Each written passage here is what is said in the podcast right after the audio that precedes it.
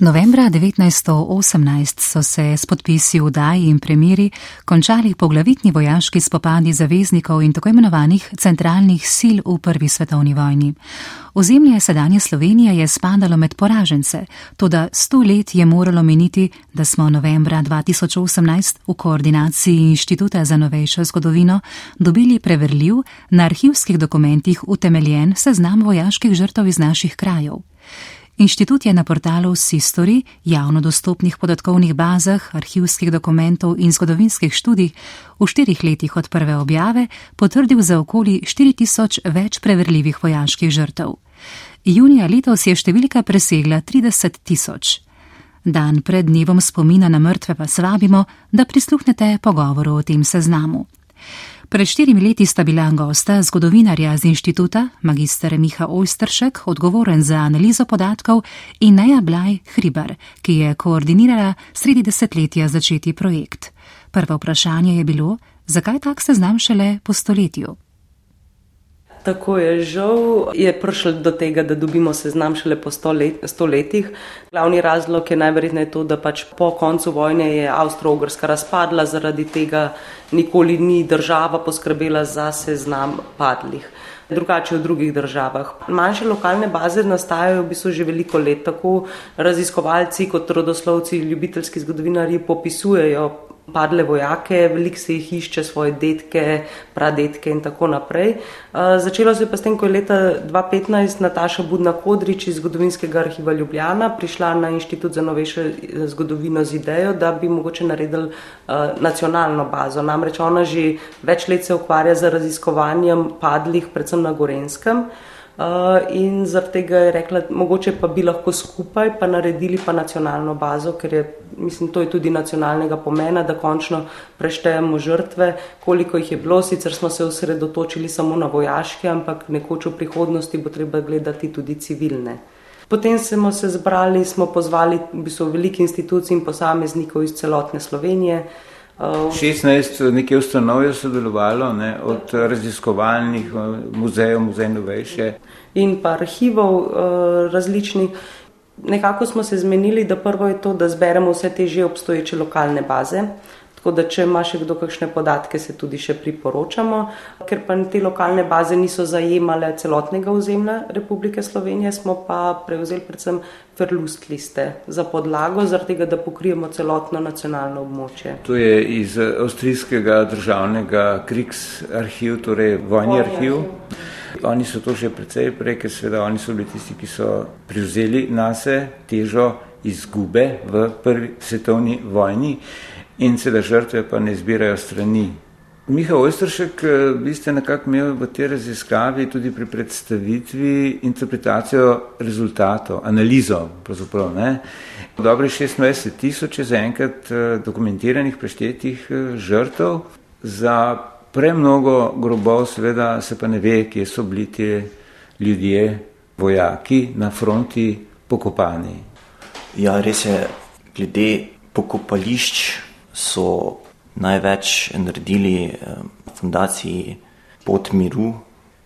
Glede samega števila žrtev, 26.224, lahko rečemo, da je število nedokončano, da je definitivno še bo prišlo do sprememb tako eh, na vzgor, kot tudi eh, zdaj na začetku še na vzdolj zaradi iskanja dvojnikov v samih podatkih.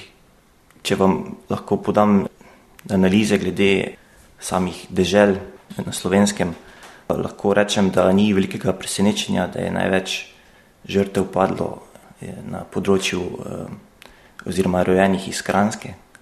Škofje Loka je bila tukaj kot občina, ne, ima tudi najbolje urejen arhiv, je bilo slišati na predstavitvi. Res je, poleg Škofje Loke celotni okraj politični Kranske in Redovlice. Tam lahko podam podatek, da na Kranskem je to predstavljalo okoli 4,3 odstotka celotnega prebivalstva leta 1910. Poprečje ne bi bilo pa približno 3 odstotke prebivalca za sedanjo Slovenijo. Ne? Za popis leta 1910 lahko primerjamo te podatke ki jih imamo, in uh, je skoraj 2 odstotka. Kdaj bo naslednji popis že v kraljevini SHS? Popis prebivalstva je popis bil pa šele leta 2021. Glede podrobnih podatkov lahko rečemo, da odstopajo definitivno okraji na Gorenskem, poleg tega tudi okraji Tolmin. Eh, za vse ostale kraje pa lahko rečemo, da je še veliko prostora za nadaljno raziskovanje. Kako pa se je v tem vidu v narekovajih odrezalo prek Murje, ki je bilo seveda prej tisoč let pod eh, krono svega Štefana, torej ogrsko? Glede prek Murja lahko tudi rečemo, da imamo odlične podatke, odlično narejene podatke. Z prek Murja imamo v bazi 2260 oseb potrjenih, padlih. Odstotek je to prebil prebli, takratnega prebivalstva približno? Odstotek mislim, da je bil eh, 2,49. V knjigi raziskovalke uh, iz Maribora je 3000 oseb, uh, vendar je, uh, so zajeti tudi pogrešani. Uh, Medtem ko samo padlih je pa 2000 kot prej omenili, 2260. No, se, zdaj smo prišli pravzaprav do, ker tudi vidva, ki sta nekje bila nosilca oziroma izvajalca, glavna povezovalca vseh kopice teh 16 ustanov. Kako sploh ste določili, da je nekdo vojaška žrtev vojne? Ali so vsi te našteti ljudje, ki so umrli, na fronti, kjerkoli, eh, bili zavedeni v vojaških dokumentih o smrti? Oziroma, kakšni bo kriterij za to, da ste nekoga določili, da je pač bil vojaška žrtev? Predvsem, mislim, glavni, da je bil v katerem koli viru, kjerkoli se je pač že podatek najdel, da je bil zaveden kot vojak, oziroma tudi, da je služil v vojaški formaciji, lahko je tudi to prostovolec, ni nujno, da je bil v uradni uh, formaciji. Tudi, recimo, ko gledaš, da so umrli recimo, po bolnišnicah, te podatki večinoma so. Če je podatek, da je padel, je tudi podatek, da je bil vojaški, recimo, ali pa da je padel v vojaški bolnišnici, že to je znak, da je 99% šlo za vojaka. No? Uh, večinoma pa so te podatki zavedeni.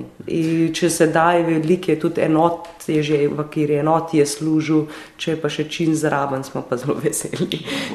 Je, je pri nekaterih uh, vzrokih smrti uh, opisno, uh, samo zavedeno, na kak način je umrl, kje je umrl in točen razlog, zakaj je umrl, in iz tega se da sklepati, da je vojaška žrtev. No, obdobje ki ste ga zajeli v tej raziskavi, gre od 28. Eh, julija 2014 do katerega datuma po koncu vojne? Uh, uradno smo sicer določili 4.11., ko je bil konec vojne za Avstro-Ogrsko, ampak uh, to nismo pa želeli izključiti žrtv vojaških, ki so padli kasneje zaradi posledic vojne. Ampak uh, to pomeni, da so umrli zaradi. So umrli, ne padli kot ja, se pravi, da so bili ubiti. Zaradi uh, vem, bolezni ali pa kaj tasga, ki pa so jo staknili na fronti. To se pravi, borci za severno mejo ne, se ne štejejo. Ne.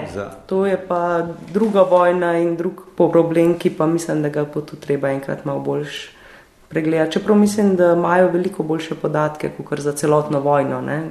Če ne drugega, govorimo tudi o veliko manjšem obsegu in časovnem, predvsem časovnem obsegu. Ne? Problemi preteklosti obdobja izpred sto let, torej prva svetovna vojna. Interpretacije rezultatov prve svetovne vojne v okviru slovenk in slovencev so bile dolga desetletja problematične. Po eni strani seveda so bili slovenci kot vojaki na poraženi strani, po drugi strani pa so dobili svojo državo. Ne? Čeprav z mnogimi pomisliki in takrat in še bolj kasneje, sploh pa po nastanku nove, tako imenovane samostojne države. Kako se je pravzaprav med vami, zgodovinari, po vajnem mišljenju, sploh eh, dogajal ta proces ozaveščanja, torej znanstvenega, če hočemo, zgodovino pisnega, o potrebnosti, mimo tega seveda, da je v veliki meri premnogokrat način izbire tem v zgodovini malo da ne politično vprašanje ali pa vprašanje enega širšega eh, strinjanja ali nestrinjanja ali dilem, ne? pač se vemo, kako je z interpretacijami druge svetovne vojne. No, uh, takih problemov, kot je z interpretacijo druge svetovne vojne, pri prvi na, na srečo ni. Zaradi tega tudi se raziskovalci, ki se ukvarjajo s prvo vojno, ne soočajo s kakšnimi političnimi problemi. Uh, ampak največji problem je bil to, da lih za drugo vojno je postala prva vojna zelo nepomembna. Vedno je bila po drugi svetovni vojni zelo glorificirana druga svetovna vojna, s katero so se vsi ukvarjali, vsi tudi zgodovinari so veliko pisali o tem, se je dogajalo, medtem ko se je prva kar malo potisnila v, spomi, v pač pozabo. Medtem ko Če gledamo čas po prvi svetovni vojni, med obima vojnama, se je raziskovalo, ampak ravno tako, kot ste omenili, ne? Slovenci smo bili kot del Avstro-Ogrske na strani poražencev, ampak ko se je oblikovala Jugoslavija, smo se pridružili kraljevini Srbiji, ki pa je bila na strani zmagovalcev. In smo bili v neki mešani poziciji, na eni strani poraženci smo tu potem tudi izgubili del primorske, eh, koroški plebiscit je bila naslednja zadeva. Ampak s temi obmejnimi temami so se še recimo ukvarjali zgodovinarji, medtem ko vojna je pa dokaj potonila v pozabo. Medtem ko po malo, ko smo prišli v samostojno Slovenijo, se pa, mislim, v tem obdobju se je pa spet zanimanje za prvo vojno povečalo. Seveda je pa vrhunec zdaj ob teh praznovanjih stoletnice prve svetovne vojne, pa mislim, da kar raziskovalni bum, lahko rečem. No, sploh zdaj ob teh obletnicah, zadnje štiri leta, od eh, poletja leta 2014, eh, potem odprtja Soške fronte eh, maja leta 2015 ne, in seveda zdaj ravno potekajoči konec prve svetovne vojne. Kako se je pravzaprav, še malo bom ustrajal na tej topiki, sploh pri spominjanju na prvo vojno, znani so seveda od Prežihoga Vorenca, ne, ta, pač te romani, ki res silovito in močno opisujejo stopnjo zavedanja ljudi, kaj so pravzaprav, kaj pomenila v veliki meri za Slovence, to neke sorte obrambna vojna. Ne. Na Primorskem so se zavedali, kaj pomeni, če pridejo italijani, ne. redko kateri se niso zavedali. Ne ali sta kot zgodovinarja sposobna razlage, kako se je skozi teh sto let, kako se je usmerjal spomin, javni spomin na dogodke prve svetovne vojne. Ker po stoletjih zdaj imamo šele prvi, torej strokovno podkovan izkaz o številu žrtev, ki pa seveda še vedno, kot smo slišali, ni dokončen. Težka. Tako bom rekla, eh, sto let v resnici ni toliko veliko spremenilo samega odnosa. Eh, še vedno je to tema, ki marsikoga fascinira, ampak ni pa v spredju, ravno mogoče zaradi te politične. In tudi, ko govorimo mi o koncu vojne, kaj je vojna prinesla, prva svetovna vojna, je veliko krat to veliko bolj zanimivo za ljudi, kaj je prineslo primorcem to, kaj se je zgodilo s Koroško, kako se je prekmurje priključilo Sloveniji. To so teme, ki so tudi za slovence zanimive, medtem pa kaj pa sama vojna, pa veliko manj. Sama vojna, fronte, soška fronta je, še, mislim, da še najbolj zanimiva ravno zaradi tega, ker je potekala tudi čez naše ozemlje. In mislim, da je veliko ljudi, saj že v teh letih, če ne že prej, si ogledalo, kakšne so šli v Bovec, v Kubarit, so videli muzeje. Sploh muzej, ne, ki je bil toliko let nazaj, prvi evropski muzej. Tako je in mislim, da je tudi eden boljših muzejev na, za prvo svetovno vojno. Tako da ni, ne morem reči, da je pozabljena tema, ni pa aktualna. Aktualna je ta štiri leta, ko praznujemo stoletnico in verjetno bo spet aktualna čez naslednjih sto let ampak upajmo, da še malo prej. No. Luk, luken v znanju je še zdaj veliko. Glede samega odnosa lahko rečemo tudi, da se najbolj pokaže pri vojaških pokopališčih. In sicer takoj po vojni so tudi začeli prekopavati vse te žrtve. Veliko imen se je na tak način izgubilo, veliko pokopov je bilo potem pokopališč zanemarjenih in teh lahko še danes veliko vidimo ob Soški fronti. Tam jih je skoraj da največ ne, na kupu, ker je Soška pač fronta bila tudi ena od uh, največjih uh, evropskih front. Ne. Tam je le na obeh straneh padlo, izginilo kar nekaj, koliko, uh, kakšen je zadnji rezultat med zgodovinarji, da je mrtvih ali pogrešanih, uh, pustimo zdaj mutilirane, torej invalide. Ne Soško fronto. Uh, mislim, da je bil včeraj podan podatek, da je na avstro-ogrski strani oziroma na tej strani padlo ali bilo pogrešenih 300 tisoč oseb. Na italijanski pa najbrž nekaj dosti manj, ne? to je kar že impozantna številka, na vsak način več kot pol milijona neposrednih vojaških žrtev, ne? mladih fantov. Kako ste pa v tej raziskavi o vojaških žrtvah Prve svetovne vojne na slovenskem se lotili eh, ljudi, ki so padli in so seveda po nastanku držav po Prvi svetovni vojni na Tržaškem, torej primorski slovenci, ki so pač potem postali, če so jim dovolili, italijanski državljani kraljevine Italije in seveda na Koroškem, ne, pač, tam je bilo le kar nekaj slovencev. Kako ste se tega lotili? Prvo smo se odločili, da bomo zbirali vojaške žrtve samo v mejah današnje Republike Slovenije. Namreč težko je sklepati o nacionalnem poreklu nekoga samo na podlagi priimka ali pa še manjših podatkov. Tako da tisti, tudi ta del današnje Slovenije, ki je potem pripadal uh, Republiki Italiji oziroma Kraljevini Italiji takrat, so popisani. Ampak problem, to je pa liho eh, zadnjič na predstavitvi upozoril, da smo pa verjetno, zelo verjetno pozabili pa na padle vojake na italijanski strani. Namreč, čeprav je bil tukaj Avstro-Ogrska, so nekateri iz v bistvu današnjega Kopra in to, to so bila, tam, tam, tam je živelo veliko italijanov v tistem času. V Istri, ne? V cel, celotni Istri in so se nekateri med vojno odločili in pristopili na, že med vojno na italijansko stran.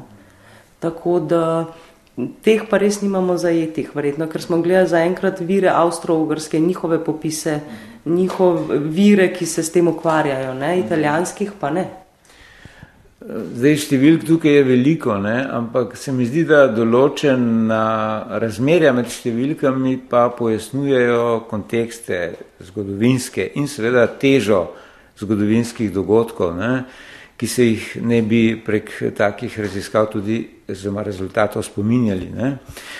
Ali ste slučajno prišli do podatka, kolikšen reda velikosti odstotek pa so te žrtve, ki ste jih zdaj detektirali, torej govorimo o dobrih 26 tisoč, v kontekstu žrtev v Evro celi Evropi?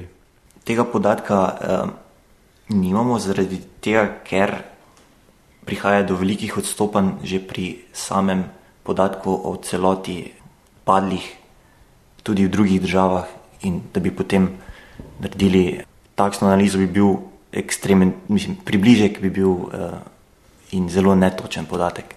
Mhm. Se pa ocenjuje, no, da je bilo tukaj v Sloveniji mogoče, če gledamo za Avstro-Ugrsko. Odstotki, recimo, odstotki so relevantni. relevantni. Da gre za malo višjo številko, kot uh, recimo v avstrijskem delu, si pa ne bi upala zdaj le v procentih točno in točnih številkah govoriti. Eh, no, zdi se mi še pomembno eno topiko tukaj pri tej raziskavi, pri teh rezultatih, ker gre le za pomembno, nacionalno pomembno tematiko, da zdaj po sto letih eh, ste vi zgodovinarji in seveda ljubiteljski zgodovinarji, tudi civilna družba, ne, poskrbeli za to, da tukaj v tej deželi vemo, koliko ljudi je padlo, ne, saj približno, torej dokumentirano, ne, utemeljeno. Ne.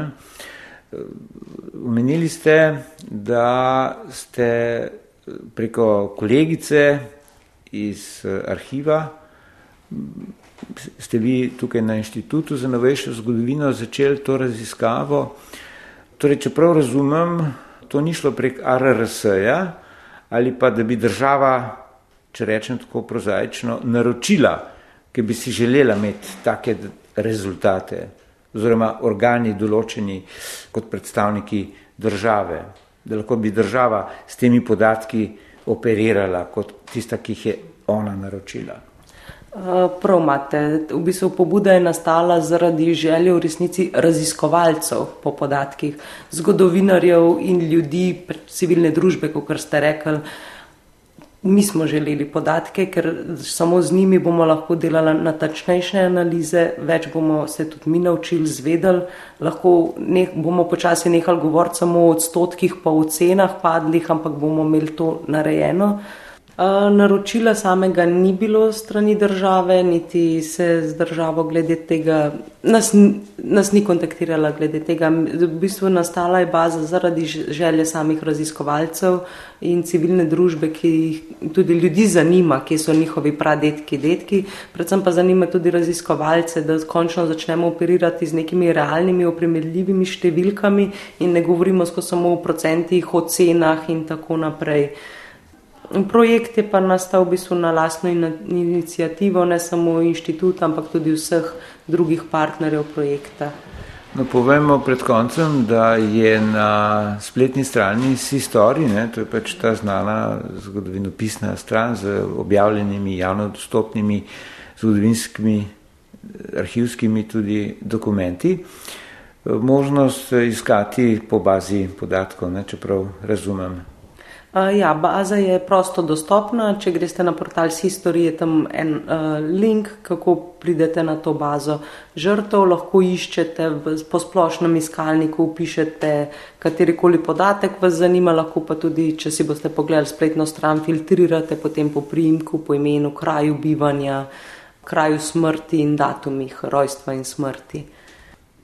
Ta raziskava je v tem fazi zaključena, ampak iskanje vojaških žrtev prve svetovne vojne se pa seveda nadaljuje, kako je pa s civilnimi žrtvami.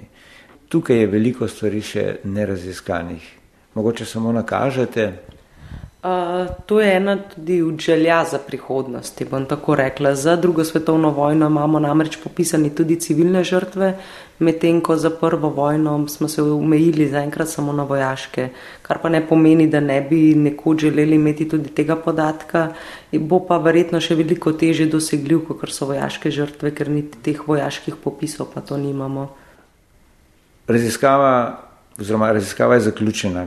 Kot to, ne? ali, eh, preko, ali iskanje? Iskanje se nadaljuje. Zdaj tu smo naredili, da je tako velika baza, da je primerna za javno objavo in da nakazuje že določene trende in lahko delamo analize in iz nje sklepamo, kar pa ne pomeni, da je končana. Vsi partnerji, ki so sodelovali, so že obljubili tudi posodobitev svojih podatkov. Mislim, da bomo tudi mi še marsikaj mogli narediti na kakšnih teh splošnih virih, predvsem pa lahko povem, da sem že zdaj v teh parih dnevih, ko odkar je baza javna, že dobivala podatke tudi od ljudi, ki so pošiljali moj del, dopolnjevali mo, naše podatke tako da delo še zdaleč ni končano. Obema se zahvaljujem za ta pojasnila in uh, ko boste do novih uh, podatkov prišli, se vidimo v novič. Najlepša hvala vam. Pred jutrišnjim dnevom spomina na mrtve sta zgodovinarja z Inštituta za novejšo zgodovino Neja Blaj Hribar in magistr Miha Ojstršek urisala nastanek seznama vojaških žrtev Prve svetovne vojne iz Slovenije. O njegovi javni predstavitvi novembra 2018 je z njima pogovor pripravil Goran Tenze.